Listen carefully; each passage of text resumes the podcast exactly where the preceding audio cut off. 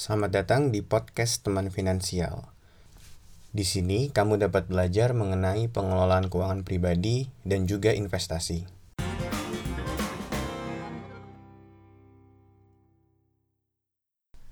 Saat ini mungkin lu sering lihat banyak ada promo dan cashback. Beberapa tahun ke belakang mungkin yang kita sering lihat um, promo dan cashback dari penyedia layanan dompet digital seperti misalkan kalau lu pengguna OVO, GoPay atau Dana atau mungkin yang sekarang yang terbaru Shopee Pay misalkan lo bakal banget sering lihat ada promo-promo cashback yang disediakan oleh layanan penyedia dompet digital tersebut. Promo dan cashback ini biasanya ditawarkan dengan angka yang bombastis sekali gitu. Kalau misalkan lo lihat mereka menawarkan cashback dengan angka yang 50% angkanya kelihatan gede banget kalau misalkan lo lihat sekilas lo bisa jadi sangat tertarik dengan angka yang fantastis tadi gitu.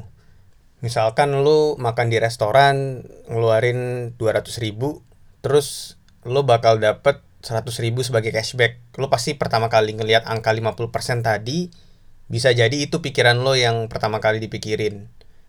Tapi kalau lo lihat lagi angka 50% tadi itu ada syarat dan ketentuan. Biasanya ditulis kecil banget di bawahnya dan biasanya nggak pernah sampai 100 ribu juga sih. Paling nawarin cashback cuma 10 ribu sampai 15 ribu. Nah, selain di layanan penyedia dompet digital tadi, mungkin buat lo yang suka belanja di marketplace kayak Tokopedia atau Shopee, juga sering lihat nih ada promo gratis ongkir. Lumayan ya kelihatannya gratis ongkir.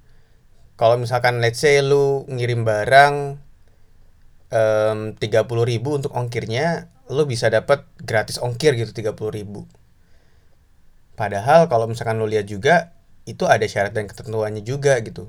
Biasanya mereka nggak pernah lebih dari 10 sampai 15 ribu aja yang bakal digratisin. Jadi kalau lu ongkirnya lebih dari segitu, ya lo paling cuma dapat sepuluh ribu lima belas ribu atau maksimal mungkin cuma dua puluh ribu aja. Promo dan cashback tadi juga biasanya selain ada maksimal cashbacknya ada juga minimum pembelanjaan yang lo harus lakuin. Misalkan kayak kalau lo mau dapat potongan delivery service misalkan kalau lo pesen ojek online gitu ya makanan dari ojek online biasanya mereka menerapkan ada minimum pembelian yang harus lo lakuin misalkan di angka 50 ribu. Begitupun kalau misalkan lu belanja di marketplace tadi gratis ongkir tadi biasanya disertai dengan syarat minimum pembelanjaan. Bisa di 50 ribu atau 75 ribu. Nah hal-hal kayak tadi tuh sebetulnya sangat mempengaruhi banget ke kita karena yang tadinya kita mungkin nggak mau beli atau mungkin kita nggak mau beli semahal itu sesuai dengan syarat minimum, itu malah mengeluarkan uang yang jauh lebih besar.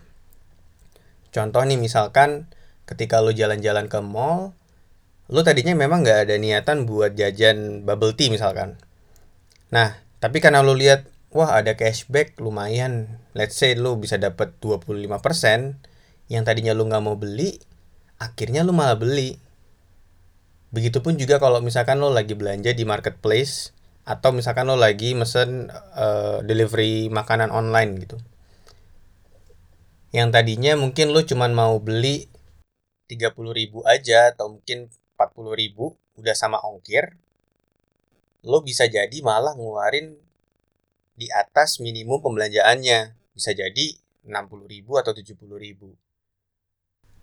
Dari ilustrasi tadi lo tuh sebetulnya udah kemakan strategi marketingnya dari penyedia jasa-jasa tadi, di mana mereka mencoba untuk melakukan upselling buat lo yang tadinya nggak mau ngeluarin uang sebanyak yang mereka targetin. Bayangin pengeluaran-pengeluaran tadi itu dilakuin terus-menerus sama lo. Bisa dipastikan keuangan lo bakal boncos banget karena lo melakukan pembelian yang impulsif sifatnya. Dan juga pengeluaran kecil tadi kalau misalkan dikumpulkan lama-lama juga bakal jadi gede. Nah, terus gimana caranya nih biar kita bisa terhindar dari promo dan cashback yang terkutuk tadi? mungkin kita udah harus mulai ngerubah mindset kita ketika ngelihat ada promo atau cashback tadi bukannya kita bakal dapat duit gratis dari mereka tapi sebetulnya kita jadi mengeluarkan pengeluaran yang jauh lebih banyak jadi bukannya kita untung justru kita malah rugi karena pengeluaran kita jadi lebih banyak banget kalau mindset ini lo bisa lakukan gue yakin kita nggak akan lagi ada pengeluaran yang sifatnya impulsif kayak tadi cuma karena kita tertarik ngelihat promo atau cashback yang mereka tawarkan.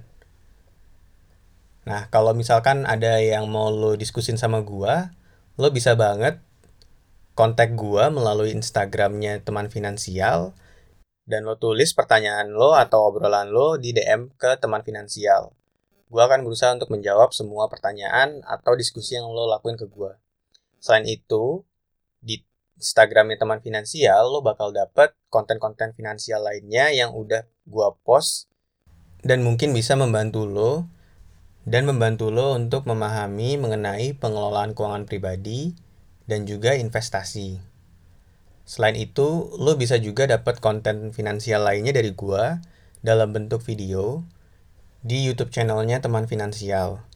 Jadi jangan lupa lo lihat di YouTube channelnya teman finansial dan klik tombol subscribe. Terima kasih sudah mendengarkan podcast episode ini. Kita akan berjumpa di episode-episode lainnya.